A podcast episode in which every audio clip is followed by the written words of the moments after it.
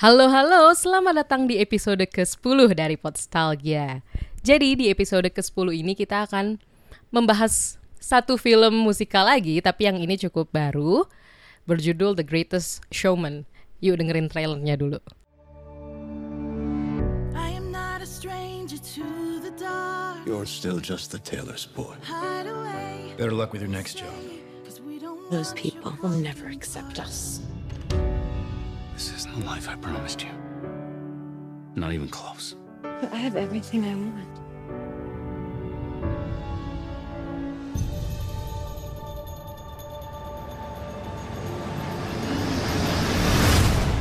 Girls, I think I've had an idea. Look out, 'cause here I come. Putting together a show. It's a place where people can see things they've never seen before. okay. I'm not scared. Who's that? And what is your act? I don't have an act. Everyone's got an act. People aren't gonna like it if you put us on stage. Oh, I'm counting on it. I believe those are the words of a scoundrel. A shaman, Miss Lynn, just a showman.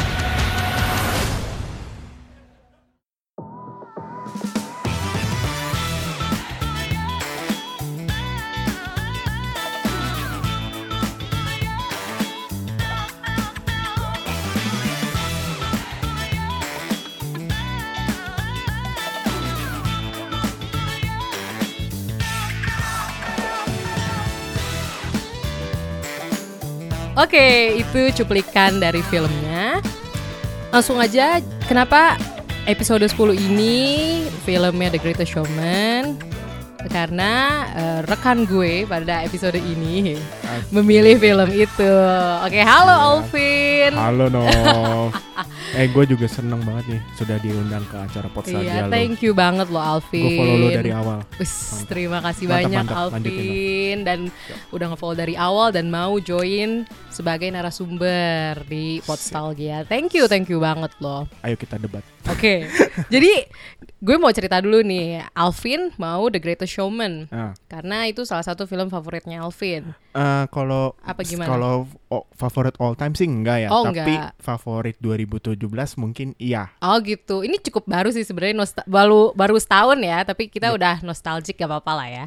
Ben- Kenapa sih Vin emang eh, film The Greatest Showman ini menjadi favorit lo? Sebenarnya kalau misalnya lo bilang favorit all time tuh enggak ya. Mm, enggak. Tapi favorit 2017 Mm-mm. ya mungkin. Oh. Gara-gara gue punya satu cerita agak ini baru-baru sih. Mm-mm. Jadi gue selalu punya ritual kalau misalnya Mm-mm. ritual. Kalau Ritual. misalnya gue setiap tahun baru bakal nonton Mm-mm. film di bioskop aja ketimbang hura-hura di jalanan. Oh gitu. Kebetulan di akhir tahun itu di Greatest Showman kan muncul tuh. Iya. Ya udah gue penasaran gue tonton.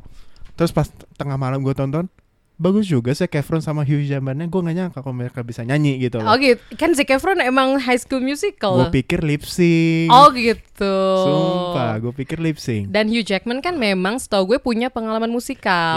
dia aktris Broadway kalau nggak salah. Ya, Broadway dan kalau nggak salah beberapa play di Australia juga. Bener banget. Iya ya, pas itu juga kalau nggak salah akhir tahun dan awal tahun ya. Akhir tahun menjelang. Heeh, karena gue nontonnya pas akhir. Oh, pas Dan akhir. gue inget banget pas gue nonton tuh kalau nggak salah baru dua minggu atau tiga minggu penayangan. Hmm. Jadi akhir tahun sekitar tanggal 20-an Desember. Nah, Terus kalau gue pas lihat studionya tuh udah dikit, Vin. kalau gue justru di Bandung masih rame. Masih rame. Bahkan jam 10 gue nonton masih rame. Oh, karena mungkin kan gue cari tuh. Pas itu gue bareng temen gue nonton di daerah Alam Sutra kan. Hmm. Itu udah tinggal Prit, daerah-daerah Tangsel dan bahkan Jakarta. Nah, kayaknya sih menurut gue itu jadi sleeper hit. Ah, Sleeper hit alias jadi filmnya tuh awalnya kayak pendapatannya mungkin Mungkin dikit, dikit, ah, yang tertarik gak dikit. Cuma gue agak heran nih karena sebulan setelah gue nonton tuh filmnya masih ada di bioskop. Nah, iya. Jatuhnya tuh lu inget kayak film 2000 2012 gitu gak sih? Oh, iya. Tapi kan itu karena emang prediksi-prediksiannya Heeh. suku Maya bla bla bla Iya, itu kan iya, iya, iya, yang iya. jadi orang bikin geger yang Betul. sampai empat hampir berapa ya? Tiga, dua bulan kali ya di bioskop Cukup sih? lama Cukup ya, lama lebih dari sebulan. Dan gue juga kaget sih karena di waktu gue Mm-mm. nonton di Bandung itu Mm-mm. itu keadaan studio masih rame Mm, dan mm. itu bener-bener yang nonton tuh nggak nggak nggak cuman orang tua tapi kayak yang muda-muda dan bahkan ada yang lebih muda dari gua rela nonton gitu. Jadi emang keluarga ya sebenarnya bisa dibilang film keluarga di Bandung ini ya Mm-mm. mau film apa pun aja jadi film keluarga gitu. Di Bandung kayak gitu. apa pun, apa pun. gitu, Eh, oke. Iya. Oh, oke oke. Kalau soalnya kalau gue nonton di Depok tuh kebanyakan ya Hmm. anak-anak sekolah gitu loh bersama teman-teman Iya. atau mungkin pacar. Paham banget. Paham kan? Cuma kalau di Bandung rame ya, Rame. walaupun maksudnya filmnya rated dewasa. Mau film apa pun, Heeh. filmnya film keluarga. Oh jatuhnya. gitu. Di kategorinya, Iya, kategorikan iya, film iya, keluarga. iya. Dan tapi gue jujur masih heran sih kenapa film ini bisa jadi sleeper hit. Bener-bener soalnya pas gue nonton itu eh, rame sih studio Hmm, gue, bener. tapi yang nayangin udah tinggal dikit, Vin. Hmm. Dan pas gue kan kayak gue gue pribadi Hmm. jujur, kalau Alvin suka sama filmnya gue nggak suka. Hmm. Biasa aja dan gue cukup kesel karena soundtracknya mengecewakan buat gue. Bagi lu mengecewakan, tapi bagi gua itu adalah satu joy. Satu joy ya. Nanti mungkin kita bisa Bisa cerita kita kenapa, cerita kenapa ini menjadi joy buat Alvin, kenapa ini eh, apa ya menjadi sesuatu yang tidak terlalu gue suka. Hmm. Terus oh ya lanjut ke sleeper seat, gue cek nih di Twitter kok masih rame The Greatest Showman karena abis gue nonton tuh gue inget banget gue perasaan gue gue kayak ya udah biasa aja terus kayak gue tidak suka dengan eh, soundtracknya. Mungkin waktu awal-awal denger tuh kayak ini apa sih gitu loh.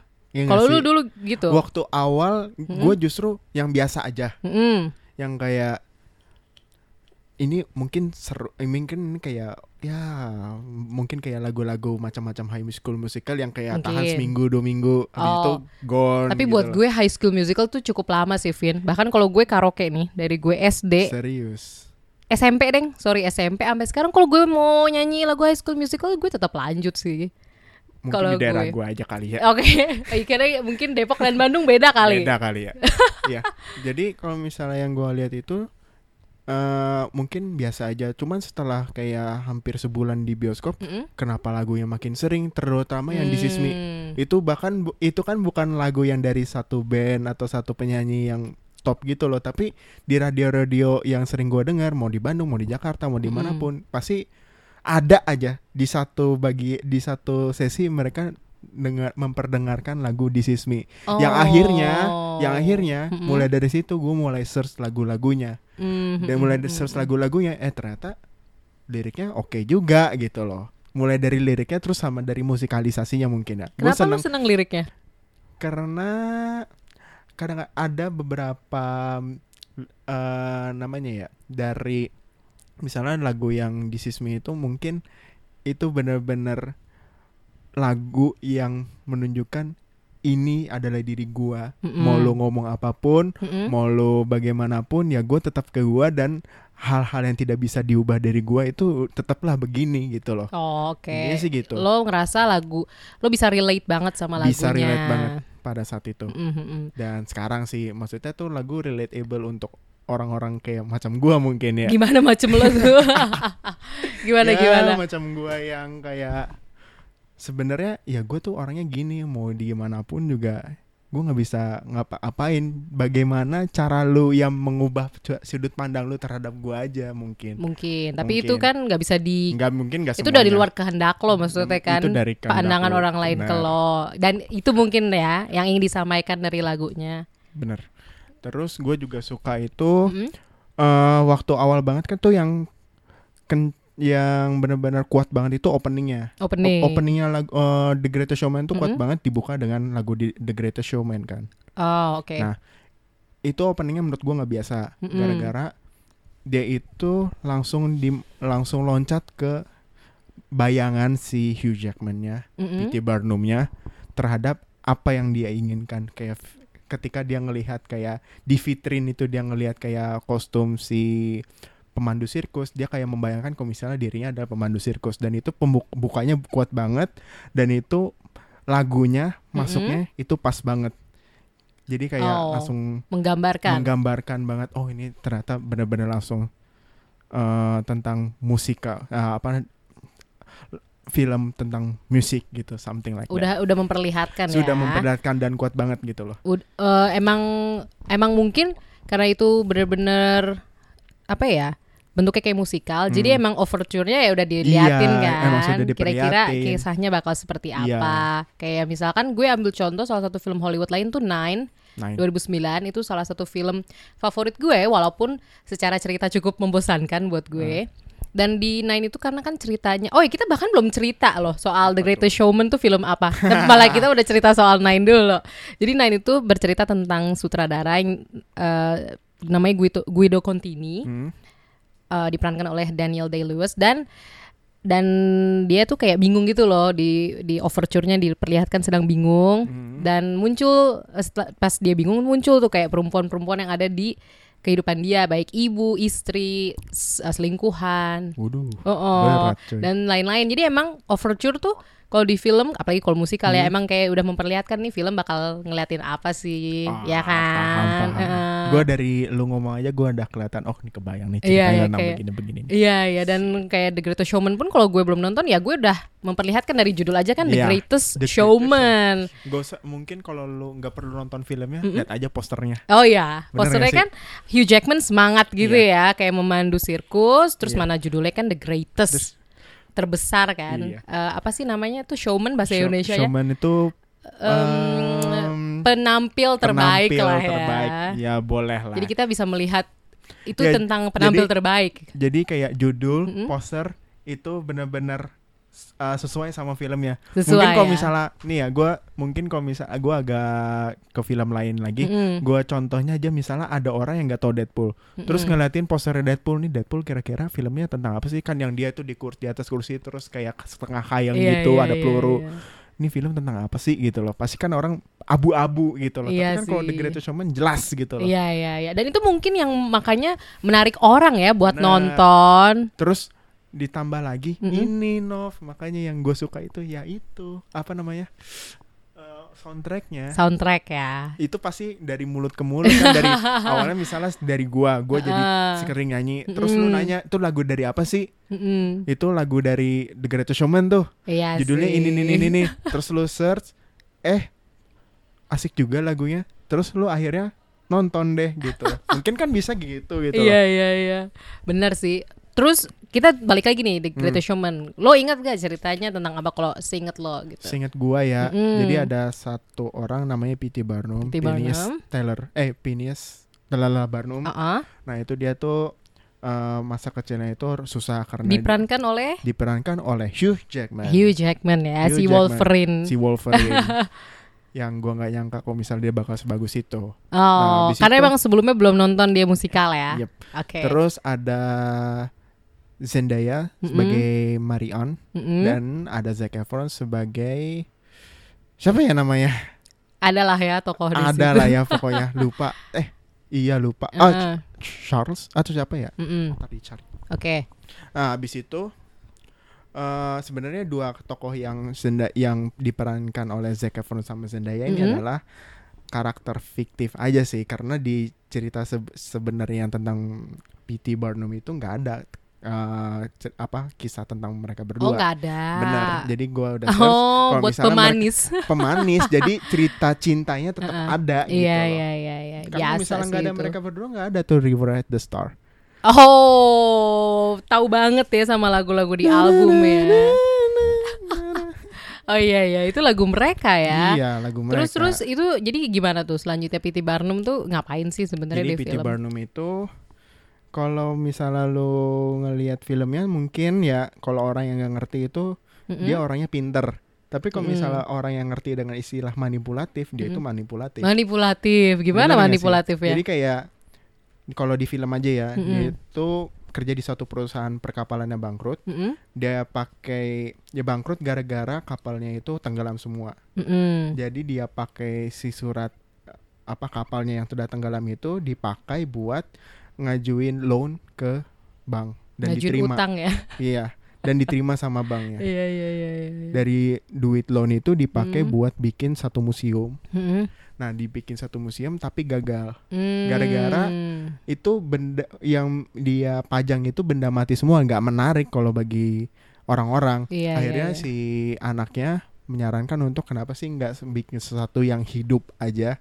Akhirnya dari situ ke dia kepikiran untuk bikin eh apa namanya pementasan suatu pertunjukan sirkus yang memperlihatkan mempertunjukkan orang-orang yang memiliki kelainan fisik Mm-mm. atau memiliki keunikan dalam fisiknya ini Hmm. gitu dia kumpulin orang banyak Mm-mm. sampai akhirnya eh show pertama mereka itu berjalan dengan sukses karena benar-benar out of the box banget konsepnya Tapi bukannya seinget gue dilemparin ya? Maksudnya Iya. orang-orang malah ya emang ditertawakan karena aneh Iya, ya. ditertawakan karena aneh kan. Tapi pada dari situ diambil positifnya kalau misalnya gua eh, hal itu bisa membawa dia kesuksesan. Dia Iya, pada iya, kesuksesan iya, iya. kan gitu loh. Jadi sebenarnya kalau dari cerita lo, lo cerita lo ini sebenarnya ini film ini kita bisa apa ya? Belajar kalau emang jadi entrepreneur atau Iya. pengusaha tuh Hmm. ya mau nggak mau ada lah bohong-bohong dikit, tricky-tricky gitu. iya. Harus ada trik-triknya. Karena kan kayak ibaratnya ngambil jaminan dari bank, Hmm. ya kan itu tentu nggak semudah itu dong. benar. Eh sorry bukan jaminan, eh, utang ke bank. Kita kan pasti naruh jaminan kan dan benar. bahkan susah loh jaminan Hmm. mau jaminan apa ya kan dan dia bisa nyari jaminan itu dari kapal yang udah Iya. karam. Dan bahkan Dapet dia tan- duitnya. dan tanpa usaha kan. Iya. Dan intinya gitu. Dan dia tahu emang maksudnya dan mungkin dia sadar juga kali emang nggak langsung profit Hmm. ya kan tapi dia tetap aja bikin Tetap aja yang penting Heeh. yang penting selama gua ada kesempatan gue manfaatin Iya. gitu.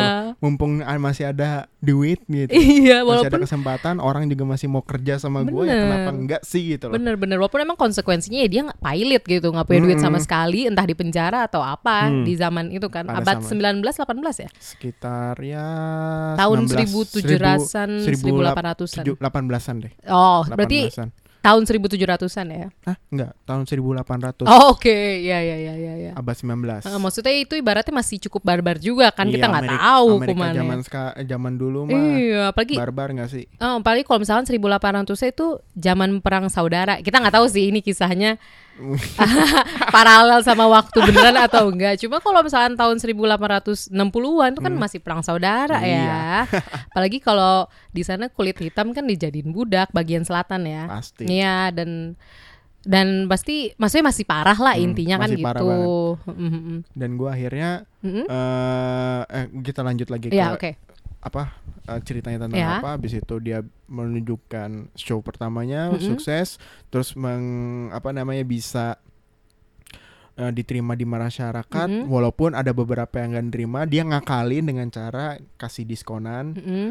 diskonan dari diskonan itu dia makin menarik banyak pengunjung Iya, maksudnya iya, iya, ide-ide ide-ide yang berani itu yang maksudnya bisa kita ambil positif gitu loh. Kalau misalnya kita ingin mela- melakukan sesuatu, Mhm. maksudnya ingin memulai sesuatu yang baru, kita harus berani untuk mengambil langkah yang berani gitu loh, Iya, jangan iya, setengah-setengah gitu loh. Mau rugi mau enggak, yang penting kita berani dulu gitu loh. Konsekuensinya adalah lihat hasil akhirnya aja bagaimana gitu loh. Dia sangat berani loh, apalagi dia udah punya istri dan anak dia ya udah punya istri, kan? punya anak, benar banget. Iya iya iya.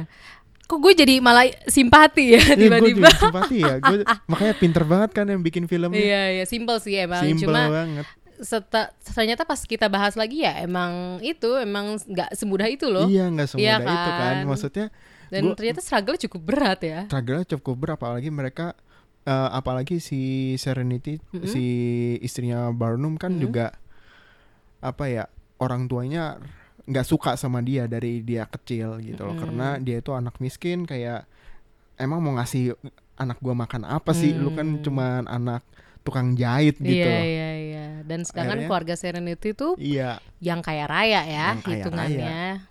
dan ketika mereka dipertemukan Mm-mm. setelah show yang dia bareng sama siapa? Yang dia bareng Rebecca Ferguson itu. Mm-mm. Nah, itu shownya keren banget dan itu Barnum mulai diakui sama orang-orang. Mm-mm. Akhirnya si bapaknya itu si Mm-mm. bapak si orang tuanya Serenity itu datang untuk kayak ngobrol aja tapi si Barnumnya malah kayak ketus gitu. eh ya gitu deh malah kayak seakan-akan ngebales perla- perlakuan apa yang dilakukan si orang tuanya terhadap Barnum dulu Barnum dulu ya. Iya. Iya, iya, iya. Jadi sebenarnya memang si Barnum ini kalau dalam film udah diperlihatkan kalau dia Yap. struggle-nya tuh udah banyak dari Iya. kecil ya. Tapi gua rada nggak suka juga karena dia itu justru menggunakan Mm-mm. trupsnya dia, sirkus trupsnya dia untuk sebagai batu loncatan Heeh. ke hal yang lebih tinggi. Iya, iya, iya, iya. Se- iya. Seperti kayak bikin opera kan yang Mm-mm. itu opera kan adalah hiburan kelas tinggi kan, Iya. kelas menengah ke atas bahkan Mm-mm. yang di- biasanya dinikmati oleh bangsawan dan raja ra- dan ratu kan. Iya. Dia menggunakan itu untuk meraih fame dan Mm-mm. kekayaan yang lebih banyak lagi gitu. Sebenarnya menurut gue pribadi Hmm. ya, nggak masalah sih kalau itu jadi batu loncatan pun. Tapi dia Tapi asal tidak meneglect atau tidak membiarkan ya. Apa sih istilahnya tidak mengabaikan ya tru- troops-nya itu, Iya. pasukannya itu. karena dia kan mulai dari situ seharusnya dia Betul. itu tetap ngurusin mau nggak mau karena eh, apa yang ditunggu-tunggu oleh penonton sirkusnya itu adalah aksi-aksi anehnya yang nggak bisa kita pikirkan sebelumnya mungkin kalau misalnya Carlisle si- akhirnya gue ketemu gue ingat Oh, Carlisle si Zac Efron Si ya. Zac Efron. Oke, Phil terus Carlisle Ah. akhirnya itulah namanya Ya, Ah, akhirnya. Itu karena dia itu masih ba- awam di dunia sirkus dan Hmm. Barnum ini dia anggapan dewanya lah gitu Ya. ya. di film ini dewanya sirkus gitu Mm-mm. jadi kayak dia tuh tahu kayak sela-selaannya kapan harus muncul dan kapan harus memberikan eh, apa namanya stage to the others gitu loh Stage to the others maksudnya, maksudnya? kayak memberikan kesempatan untuk Oh. bisa lebih show up gitu Iya, iya, iya, iya. sedangkan iya. Carlisle kan nggak bisa gitu Mm-mm. Nah, Makanya kan yang- dia ikut kan Hmm. pasukan, ikut ke pasukan karena mungkin ya jatuhnya apprentice gak sih kayak Ya. kayak murid lah ibaratnya. dia kan dia kan juga tujuannya pengen awal ikut kan juga pengen belajar pengen mencoba suatu hal yang baru dengan iming-iming kita bisa senang-senang ketawa ketiwi bareng-bareng melalui pekerjaan yang kita sukai gitu Kalau si. Carlisle gitu. Iya diiming-imingi sama si Barnum Tapi si Barnum tunggu deh. Tujuannya apa sih sebenarnya? sebenarnya kalau kata gua dari Kalau apa menurut yang gua lo? dari yang gua lihat ya Heeh. Barnum itu kan eh, pengen menggunakan Carlisle Mm-mm. karena koneksinya ke atas itu Ke, ke kalangan, kalangan-kalangan atas menengah ya, atas itu kan banyak atas. banget karena dia dia punya stage tentang sandiwara dan dr- Mm. drum gitu drama Mm-mm. teater something like that nah itu kan ditontonnya sama menengah ke atas nah Mm-mm. dia pengen menggunakan koneksi itu agar membawa namanya ke eh, lebih tinggi lagi gitu Jadi intinya sebenarnya tujuannya tuh fame ya kan? fame Fame ya. Jadi jadi bukan sirkus tujuan akhirnya Tujuan- kan iya, intinya bukan sirkus, tapi dari P.T. Barnum itu. Iya, tapi bagaimana dia mengeraih fame setinggi tingginya dan diakui oleh dunia. Karena mungkin di masa lalu ya nggak sih dia dia tidak diakui ya. Mungkin, tuh Mungkin. jadi motivasi dia. Mungkin. Terus dia mungkin ngerasa kalau dia tuh eh, di, di neglected ya nggak sih sama Yes, lingkungannya. sama Tapi lingkungan. ternyata pas dia ngelihat sekeliling lagi ternyata masih ada yang lebih di Iya, neglected. bener banget. Dan dia memanfaatkan kondisi itu Nah. Untuk mencari duit. Nah, Jadi intinya gitu dan karena dia udah dapat duit, dapat fame, akhirnya dia naik level ibaratnya tanda kutip. Terus dia dapat sih sebenarnya fame dapat, uang dapat. tapi kalau di film ya Jadi dia sebenarnya meraih mimpi dia dong. Kita eh, dari apa yang gua lihat di film ya, Heeh. gua rada ragu apakah dia itu sebenarnya untuk duit apa benar-benar untuk duit 100% apa sebenarnya untuk fame 100%. Hmm. Karena masih kayak nggak jelas gitu menurut Jadi nggak ada yang buat troops dia nggak ada nggak ada sebenarnya kayak trupsnya dia itu dia gunakan Heeh. untuk meraih fame aja kalau kata gue Bot- fame. bahkan jeleknya adalah batu loncatan biar dia dikenal dulu Mm-mm, sebagai Barnum apa mm-mm. baru dia punya nama mata tertuju pada dia dia Mm-mm. menggunakan kesempatan itu untuk meraih hal yang lebih tinggi lagi gitu Jadi gue sebenarnya ini film penuh tipu muslihat ya, Tipu muslihat seperti banget, dalam coy. dunia bisnis ya. makanya kalau misalnya secara cerita mungkin gua ya B aja maksudnya nggak wah wah oh, banget berarti emang gua- soundtracknya. tapi gue karena soundtracknya doang Iya gitu iya iya iya. Soalnya kita Dan lihat dah. ka- kabar terbarunya kan mereka eh, meraih platinum award kan.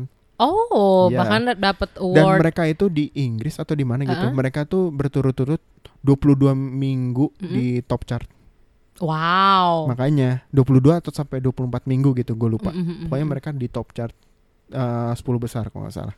dan itu kan untuk sebuah soundtrack film kan itu wah banget kan Iya, bahkan iya, iya. eh, untuk penyanyi kelas atas macam-macam Arena Grande dia bisa disetarakan sama Adele dan Arena Grande enggak sih Iya, iya, iya. untuk soundtrack Untuk pas itu ya. iya Dan kayaknya itu baru bisa disaingi lagi sama A Star Is Born gak sih? Dan- Tahun 2018 ini kan dia kayaknya chartnya juga cukup tinggi. chartnya cukup tinggi tapi kita tunggu aja waktu masih berjalan Karena mungkin juga The Greatest Showman itu menjadi oase gak sih? Di Oase eh di mungkin tahun sebelumnya kan ada La La Land, La La ya Land. kan? Dan Mungkin tahun orang- 2017 benar apalagi sutradaranya sama kan siapa? masa sih enggak sama Gak sama. Ah, iya. La La Land tuh Ntar. si um, Damien Chazelle. oh iya astaga Uh-uh. itu film apa ya Damien Chazelle tuh Whiplash. itu iya gue jauh banget anjir Gak apa, gak apa. Siapa sutradaranya ini The Greatest Showman? ini selama eh, Oke, jadi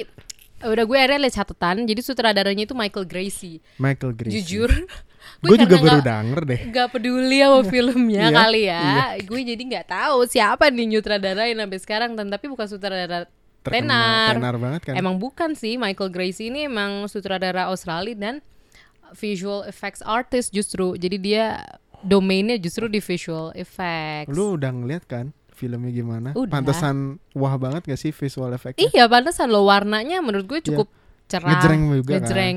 Nah, eh itu justru yang membuat gue ngerasa gue malah bingung. Ini sebenarnya zaman kapan sih? iya Kalau gue pribadi pas nonton, gue juga kadang-kadang ini gue ada di apa Amerika yang kayak white white white Iya. west gitu karena Mm-mm. itu tanah semua atau gimana jadi kayak seakan-akan itu terlalu banyak salon di dalam di kotanya iya itu kayak emang tempat koboi gitu lah kayak ya tempat intinya. kayak terlalu banyak salon kan Heeh. terus gue ngelihat kayak tapi pakaiannya kok kayak pakaian anak eh, itu ya orang-orang abad 19 ya Iya. kayak perbedaan waktunya tuh kayak jauh banget gitu Abad eh, mungkin bahkan 20 loh yang Iya. udah cerah banget. abad dua- iya A- pakai- Em, pakaiannya si Barnum juga cerah-cerah juga kan iya, dari posternya udah cerah banget loh sebenarnya. terus rumah-rumahnya kalau misalnya lu lihat rumah megahnya si Barnum Mm-hmm. juga kayak nggak ada abad 19 19 nya nggak sih Kalau gue lihat masih sih cuma mungkin karena Iya. kameranya cerah ya. Mungkin ya. Jadi kelihatannya eh, kayak cukup baru gitu mungkin kok- kontemporer. dia mungkin sutradara uh, senang banget brightnessnya tinggi kali ya Iya kalau foto-foto bikin video Atau dia mungkin emang nggak ada tujuan apa pun untuk eh, sama kayak waktu eh, menyamakan maksudnya ini era 18 harus plek-plek era 18 mungkin enggak gitu loh. Jadi dia campur-campur. yang penting mungkin tujuan si sutradaranya adalah Mm-hmm. untuk eh ya udah ini film buat for fun aja gitu loh Bisa jadi Bi- biasa jadi kayak autobiografi yang buat for fun gitu bisa jadi Biasa makanya mungkin makanya rame yang Hmm. nonton kan Iya. sampai jadi sleeper hit si Sam- film ini. sama ini kalau lu ngomongin masalah apa namanya konsep waktu di dalam film itu Mhm. mulai dari tempat Mm-mm. kostum lu nyadar gak sih kalau misalnya lagunya itu nggak ada hubungannya lagi hubungannya sama sekali sama abad-abad 20 du- 20 ah, kayak macam-macam lagu-lagu abad 20-an gitu yang kayak masih pakai musik-musik tradisional macam gitar segala macam tapi ini udah kayak mas macam pakai dubstep segala macam apa sih Iya. namanya EDM gitu gak sih Itu makanya yang gue bikin gue cukup turn off pas nonton. Oh, Jujur ya, gue pas gitu. nonton, gue nggak gue nggak nonton trailer, gue cuma tahu gue baca total film kalau nggak Hmm. salah. Gue lihat oh mau ada film di awal tahun Mm-mm. yang main eh, Hugh Jackman, ada Zendaya juga, filmnya tentang musikal. Udah gitu doang intinya. Terus gue mau nonton dengan ekspektasi gue bakal dapet sajian musikal kayak film Chicago atau Nine. Chicago Nine ya Nah Chicago kan menurut gue kayak iya Wow, gue berasa di Broadway Nah, kalau iya. nonton. Cuma kalau makanya gue ekspektasi kayak gitu ya. gue juga gue har- berharapnya mungkin kayak ya nonton apa ya The Greatest Showman itu Hmm. ada musik-musik sirkus ala-ala Itu. bertema sirkus itu maksud gue mungkin yang kalau gue sih eh, secara pribadi ekspektasinya itu yang cukup orkestra, Iya yang karena- klasik ya. Hmm. Ya setidaknya kayak Chicago deh tahun berapa sih Chicago tuh 50-an 60-an 70-an ya itu gitu. emang dari film waktu sama musik emang soundtrack segala macam memang disesuaikan kan Iya, karena iya. emang mungkin sutradaranya memiliki tujuan tertentu tapi kalau Mm-mm. misalnya ini kalau menurut gue ini emang benar-benar pure untuk hiburan aja gitu loh buat bukan yang dibawa serius sampai Iya untuk sih. Yang penting lu tahu P.T. Barnum itu siapa. Betul. Ya Tapi sih? dengan itu juga makanya kita bisa tahu P.T. Barnum. Tapi gara-gara itu, gue jujur sebelum gue Mm-mm. nonton The Greatest Showman itu gue nggak tahu P.T. Barnum siapa. Gue juga nggak tahu Bahkan sama gue sekali. nggak tahu kalau misalnya dia itu punya sirkus terkenal yang baru aja Mm-mm. tutup tahun 2017 ini. Itu juga gue bahkan baru tahu kalau tutup nih dari lo nih Iya, baru sekarang. gua gara-gara kepo banget. Heeh. Ini P.T. Barnum siapa sih? Apakah dia segenerous itu? Heeh. Taunya pas nih ya anak UI jangan ditiru. Gua lihat Wiki- Wikipedia Heeh. anak Nggak eh, nggak apa-apa. Kalau gue pribadi, Wikipedia tuh justru bagus, Vin. emang Karena itu men-trigger kita untuk cari informasi. ya Kalau gue ya, tapi jangan copy paste dari Wikipedia kan ya. Eh, ya kalau plek-plekan mah nyontek dari mana pun sebaiknya Iya. enggak gitu. ya. Nah, itu gue lihat kalau misalnya dia itu banyak banget kasusnya sampai yang benar-benar dia eksploitasi terhadap trupsnya dia. Iya, Wah iya, gila iya. banget itu gue pikir ini bener-bener Amerika tuh jago banget brainwashing terhadap kayak menutupi kejelekan-kejelekan Barnum tuh bisa banget kayak direkayasa gitu loh menjadi suatu kebaikan. Wah Jadi sebuah toko baru sebuah ya. toko baru jadi seakan-akan kita hilangkan Barnum yang lama Bener-bener. kita bikin Barnum yang baru. Oke, untung kalau gue ingat dikirim sama temen gue. Mm. Nov, ini ada artikel nih dari The Guardian Apa yang tuh? bilang eh, kalau misalkan P.T. Barnum nih jahat. Yang tadi lo Iya. bilang itu, makanya gue juga langsung ya ampun. Makanya gue langsung kayak ah udah ah males sama Nah. filmnya kalau gue pribadi. Gue juga akhirnya kayak gue awalnya suka sama film filmnya berdasarkan gara-gara soundtrack. Heeh. Terus gue ngeliat P.T. Barnum siapa, gue pikir dia orang baik. Mm-mm. punya sirkus terkenal. eh taunya pas gua tahu biografinya seperti itu, hmm, gak jadi deh. Gak jadi ya. Tapi lu tetap dengerin Gue soundtrack. tetap dengerin soundtrack. Terlebih Mm-mm. mereka itu baru ngeluarin gara-gara mereka menang Platinum Award ini, Mm-mm. mereka eh, banyak banyak banyak banget artis yang mengeluarkan eh, The Greatest Showman remastered judul albumnya. Oh. Jadi di dalam judul album itu Heeh. banyak eh, artis-artis luar negeri penyanyi terkenal seperti kayak Panic at the Disco band favorit gua. Oh, oke. Terus Max Snyder lu tahu nggak Max kayak Snyder gue pernah denger aja. Iya, lu kalau misalnya lu dengerin Kurt Hugo Snyder lu pasti tahu Max Ya, Snyder. gue tahu Hugo- Kurt Hugo Snyder. Terus Oh, yang di YouTube ya. yep yep. Iya, iya, iya, iya, iya. Nah, itu mereka salah sa- eh, artis artis salah sa- salah beberapa ah, beberapa artis Mhm. yang mengcover lagu-lagu dari eh, yang ada di The Great film The Greatest Showman. Oh, termasuk apa tuh? Biasanya Termasuk- yang paling banyak apa kalau menurut lo? Eh, Itu satu album. Jadi Satu bener-bener album? jadi benar-benar semua lagu yang ada di Mm-mm.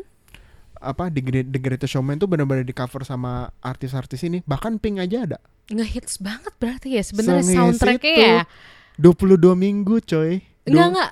Gue masih masih cukup heran jujur. Platinum Kenapa bisa Award. sehits itu sih? Karena Kenapa? kalau kata gua menurut gua itu Heeh. catchy dan itu satu. Keci. Kecinya bagian mana ya? Aduh. Kalau gue- gue kalau jujur kalau- gue nggak kalau- nangkep Kalau catchy-nya. misalnya secara subjektif mungkin Heeh. gua bahkan gua ya Heeh. itu catchy-nya mungkin kalau secara subjektif gua catchy-nya itu adalah di musiknya, musik kayak aransemen musiknya yang enggak terlalu yang masih ngikutin sama waktu eh Mm. ma- masih kontemporer. ngikutin- kontemporer. intinya. Jadi masih kayak ngikutin masih ngikutin pergerakan musik kita sekarang gini loh. Oh iya ya. Jadi emang nggak zaman dulu ya, Nggak zaman cukup dulu. modern intinya Iya. gitu. Dan maksudnya fun. Oh maksudnya iya lagunya sih. nggak sedih gitu loh.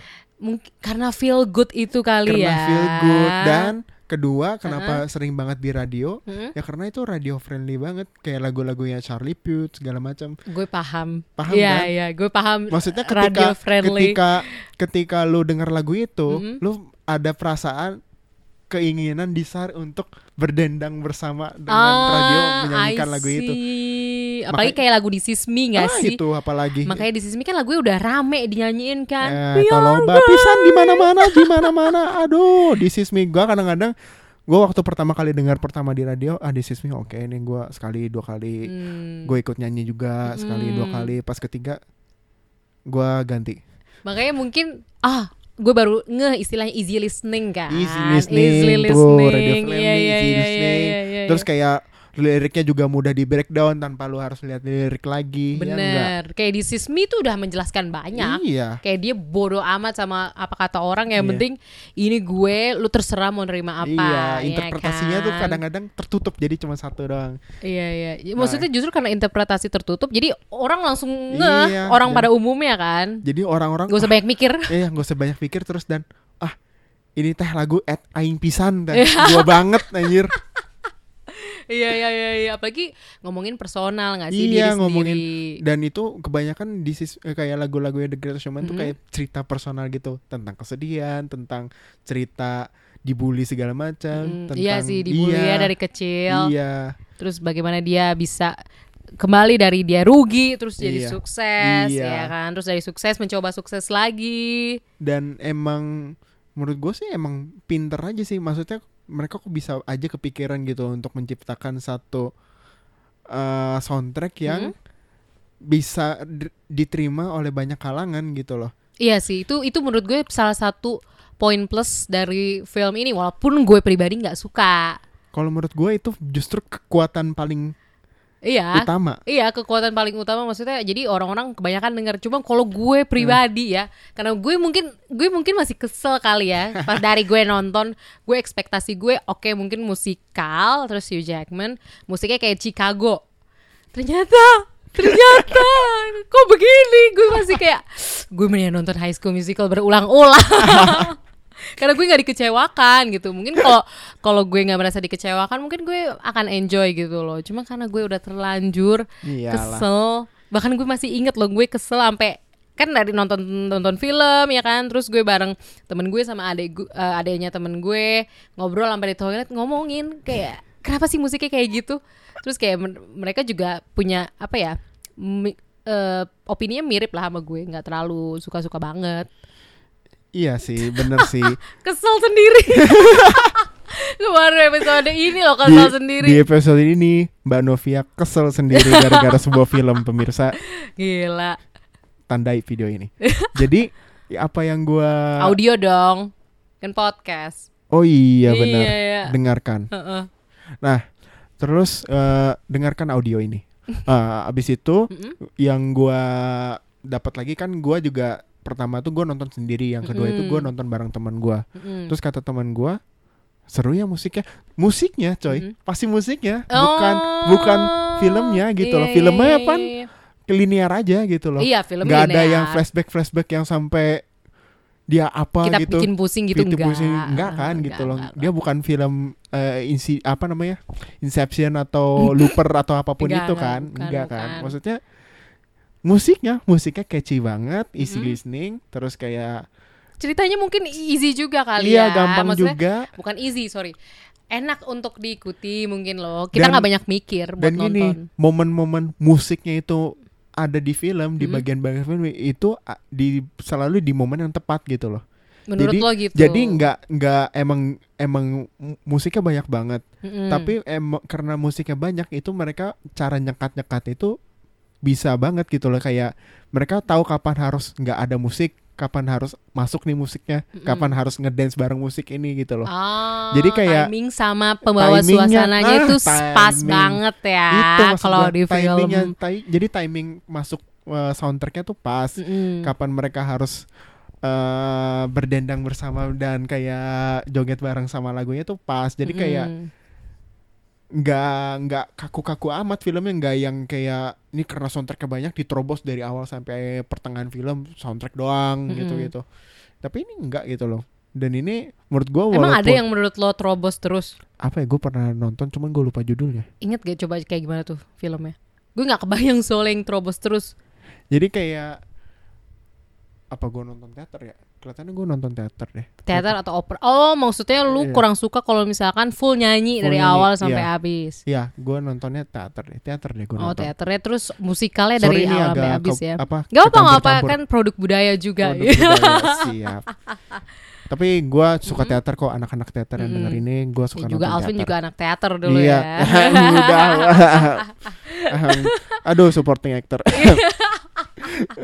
Oke jadi ini intermezzo dikit Alvin ini dulu pernah dapat award gitu deh Asik, supporting asik, asik, actor iya. di teater Sa- tepuk tangan dong Yeay. eh. Oke lanjut gue itu pengen cita-cita pengen jadi Hugh Jackman. The Greatest Showman ya The Greatest Showman. Oh, I see. Semoga terkabul ya. Mungkin ini Amin. juga yang makanya mendorong lo untuk ngomongin The Greatest Showman di episode ini. Tapi nggak mau jadi P.T. Barnum. Oh, nggak mau. Oh, maunya kayak Hugh Jackman ya. Iya, iya. Dia bisa action, bisa Iya. Kalau ya kan? misalnya gue musikal udah bisa. kalau gue udah bosan nyanyi, gue bisa jadi Wolverine. Us. Nggak mau jadi oh kebalikan dong. Soalnya kan Hugh Jackman jadi Wolverine dulu nih. Baru pas Iya. udah tua, udah renta, baru dia nyanyi. Oh iya. oh iya benar. Berarti mungkin lo nanti yang strong-strong dulu ya kan kayak Wolverine baru nanti cari yang agak smooth gitu loh. Jadi aktor musikal. Siap. Terus tapi lo inget lagi sih ada yang memorable lagi gak sih menurut lo di film ini? Yang di film ini memorable. Sama kalau lo ikutin itu tuh durasi filmnya juga nggak terlalu lama banget gak sih? Oh iya ya. Ya cuma satu setengah bahkan nggak sampai dua jam kalau kata gua. Oh ya nggak nggak lama banget sih enggak sih. Dan kalau kata gua em, yang ada di film ini, Mm-mm. yang mereka tawarkan di film ini juga nggak terlalu lebay amat. Maksudnya kayak kisah gimana cuy? kisah cinta fiktifnya antara Zac Efron dan Zendaya itu nggak terlalu kayak yang sampai orang yang dimabuk cinta banget gitu loh. Ya masih normal-normal aja. Nggak, maksudnya gimana tuh? Maksudnya gini nih, kan kadang kebanyakan tuh Mm-mm, ad- misalnya ada cerita drama nih. mm-mm, Dia mereka itu mengisahkan dua kekasih mm-mm. dan itu benar-benar diekspos cinta cerita kis cintanya itu sampai akhirnya Oh. yang dramanya yang awalnya misalnya drama musikal jadi Ah. bergeser jadi romance gitu. Oh, oke oke oke oke. Lo nggak suka kalau misalkan tiba-tiba Nggak, ada bukan gak suka sih, gue banyak banget gak sukanya. ah ya nggak apa-apa. kan itu selera lo. Kalau nggak suka juga nggak apa-apa sih. jadi kayak ya ya gue bukan nonton untuk ini gitu loh. Oh Ya. ya, gue mau nonton P.T. Barnum. Gue gue nggak mau nonton kisah cinta Zac Efron sama Zendaya intinya gitu ya. Iya gitu. Dan tapi karena ini mungkin porsinya pas Porsinya buat pas. lo enak lah jadi Enak pemanis lah, ya. jadi pemanis lah. ceritanya Pemanis P.T. akhir Barnum. tahun gue waktu Wis, itu. Iya, iya. Gue seneng karena Zac Efronnya menurut gue ganteng banget. Udah gitu doang sih. Eh, Zac Efron mau di gimana aja ganteng gak sih? iya sih emang ganteng. Ya susah. Terus Zendaya tinggi banget anjir. Gue gue nggak mau tuh berdiri di samping Zendaya. Minder ya. Minder walaupun kalau kata orang gue tinggi, Heeh. Tapi Zendaya yang lebih tinggi. Zendaya lebih tinggi kelihatannya. Hampir 180. Uh, model. Model. Iya gak sih? Tapi cakep sih. Hmm, Bintang Disney emang cakep-cakep ya. cakep-cakep ya. Ya itu oh itu juga mungkin jadi poin plus Iya, ya dari poin film. plus. Poin plusnya tuh mereka ambil yang bekasan Disney. Heran deh bekasan Bener. Disney. Bener gue baru ngeh lagi gue ingetnya Zac Efron doang Iya, gitu. Zac Efron Disney. Mm-mm, Zendaya Zendaya Disney juga. juga. Terus iya. kayak apa gua dulu harusnya masuk Disney aja biar Waduh. kayak kayak gitu. Lu kalau misalnya ngomongin Disney gue jadi keingetan Justin Timberlake kan dulu orang Disney Iya, juga. tapi dia nggak main sih, Nggak main di sih. Greatest di The Greatest Ya, Showman Masa ini. semua bintang Disney main di The Greatest Iya. Showman jadi filmnya apa? The Bener, Greatest Showman Disney Reborn. Kan gak Us, lucu kan? Disney enggak. Kids Reborn. Enggak, enggak, enggak kesel banget. Enggak, enggak. Tapi kita balik lagi tuh ke poin em, apa pemerannya tuh yang dikenal tokohnya ya kan? Kayak Hugh Jackman siapa sih yang nggak kenal Hugh Hmm. Iya. Jackman? Ya nggak sih? Dari tahun 2000 dia udah terkenal sama X-Men ya kan? Sip, Wolverine. Terus di film-film selanjutnya walaupun nggak sedikit yang filler ya kan? Kayak film Australia menurut gue itu cukup filler karena ya udah dia main buat karirnya dia gitu loh tapi nggak memorable banget filmnya. Iya. Kalau mis ini agak melenceng dikit ya, Gimana? tapi film Hugh Jackman selain X-Men apa ya yang terkenal benar-benar melekat di dia? Nggak ada. Emang menurut kalau menurut gue pribadi sih Wolverine aja udah Wolverine tokoh kan? Wolverine itu. Ya atau karena itu Marvel kali kali ya. Iya, Hugh Jackman, ya Logan kan Wolverine juga Iya, ya Logan- kan. karena Marvel juga lah. ya. Heeh. Paling yang gue inget tuh yang tiba-tiba eh, terlewat gitu ya. Maksudnya melew- melewati pikiran gue itu tadi Australia. Tahu nggak lo? Film apa tuh? Jadi fi- Jadi film Australia ya film romance. Ah, Tokoh utamanya tuh Hugh Jackman dan Nicole Kidman. Dua-duanya orang Australia. Oke, Terus judulnya oke. Australia. Latarnya di Australia juga. oke. Jadi itu ibaratnya kayak film serba-serbi Australia lah Oh. kurang lebih tapi romance. Australiception loh ya. Australiaception. iya itu sih. Tapi karena tapi hebatnya walaupun kita cuma tahu Wolverine, ya kan? Hmm. Tapi di situ kita gue bisa melihat itu P.T. Barnum kok. Gak, gak Wolverine gitu loh. Atau enggak setidaknya itu Hugh Jackman yang menjadi P.T. Barnum bukan Wolverine. Intinya gitu lah intinya ya. gitu.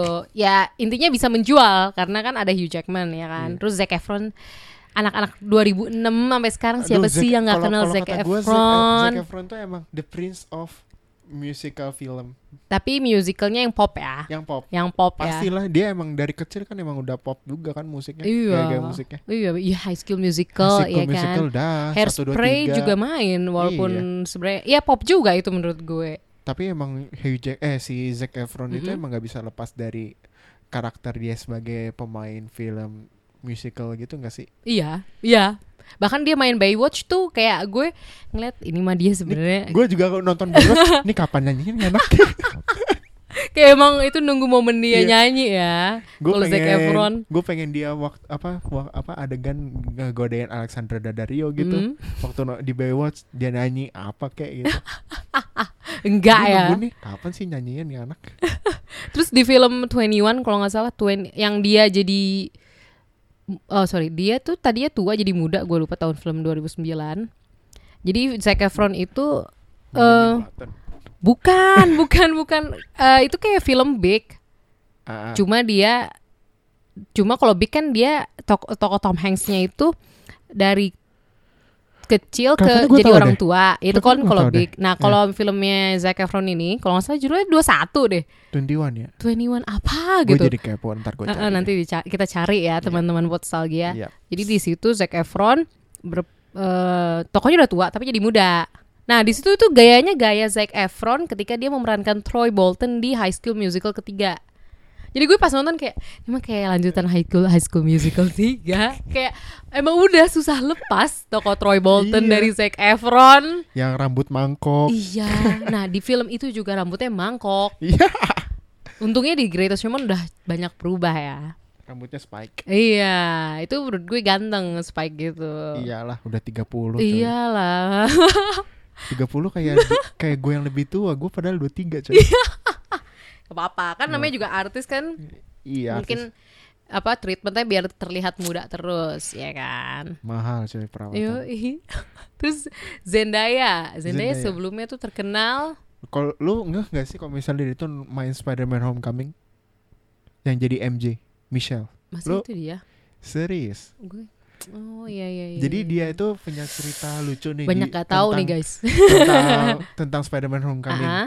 Jadi sebelum waktu dia di casting untuk Spider-Man Homecoming Mm-mm. itu nggak dikasih tahu judulnya. Kalau misalnya itu bakal nge- Hmm. nge- nge- apa casting buat film Spider-Man. Buat film Dia cuma Spider-Man. dikasih clue kalau misalnya itu buat Mm-mm. fil eh, di- tentang high school, kehidupan anak di high school. Dia pikir adalah oh Hmm. paling ini tentang romance anak-anak sekolahan Ya to yang all dia the girls I've Iya. loved eh to all the boys I've to loved all the boys before I've ya. loved before. Kayak gitu tapi mungkin. dia eh, tapi dia versi cewek yang jutek gitu loh. Hmm. Eh taunya pas Tom Holland keterima Mm-mm. baru dikasih tahu kalau misalnya dia keterima buat casting eh di, teri- diterima untuk jadi cast eh, MJ di film Oh my god, iya iya iya iya. Zendaya juga ibarat ini jatuhnya itu ya debut ya secara nggak langsung debut banget. Yang dia jadi Kalau- tokoh pembantu karena Homecoming kan Jatuhnya masih agak nggak terlalu nggak ter- signifikan. nggak terlalu signifikan tapi ya kalau misalnya lu masukin toko pembantu ada lah gitu Iya iya. Ini mungkin jadi salah satu peran dia yang cukup membuat dia agak melejit ya.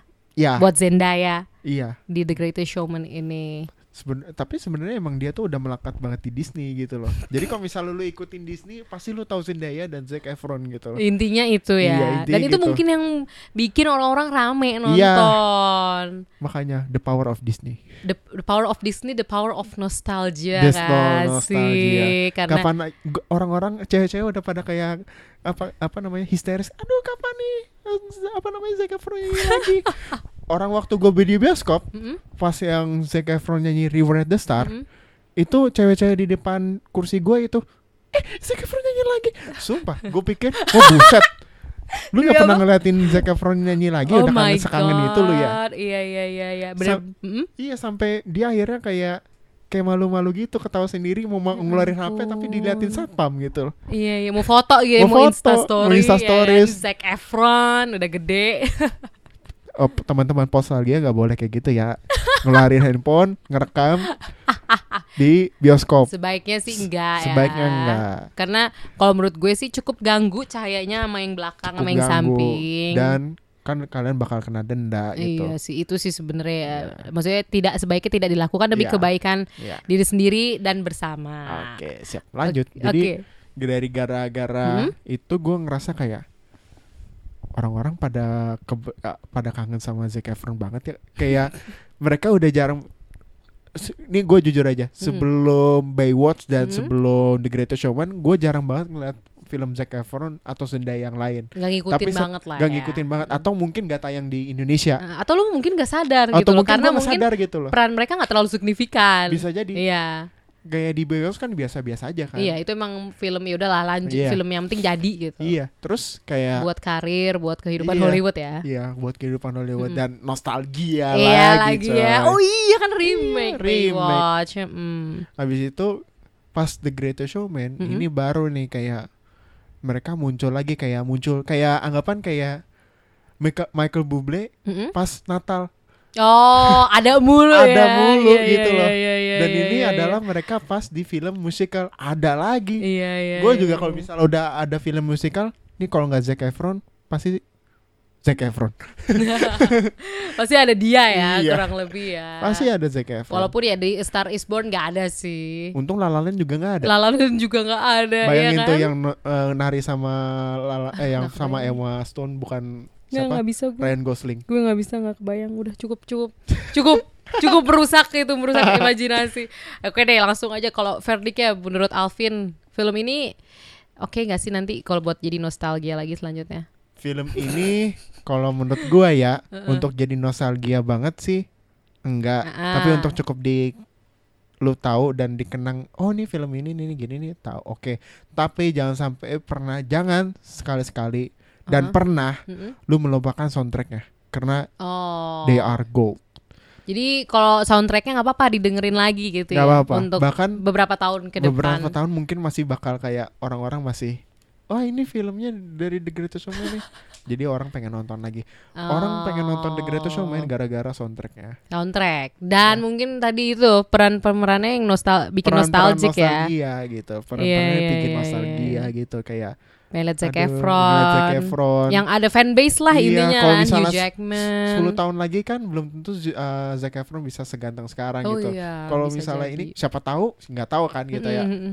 siapa tahu di film The Greatest Showman ini adalah prime prime-nya masa-masa kejayaan maksudnya kejayaan terakhir si Zac Oh Efron iya nggak ada yang Kita- tahu. Aduh kok sedih kita. 30 udah 30 Iya sih, tapi kita nggak pernah tahu let's face loh. the fact kalau misalnya dia udah 30 tahun Tapi ya mungkin kayak The Rock ya nggak sih? The Rock kan makin maju kan, abis WWE dia malah lebih dikenal sama dari jadi bintang film sekarang kan iya daripada mungkin ya kali nanti Zac Efron kayak dia gitu loh kayak The Rock, Dwayne Johnson ya Bisa nggak sih? jadi Karena ya. dia ternyata struggle-nya kenceng loh. Kenceng Bisa tetap ada nama lah dari dia WWE sampai sekarang, Iya. ya kan? dia emang eh, Mungkin tapi gitu sih. mudah-mudahan begitu Iya.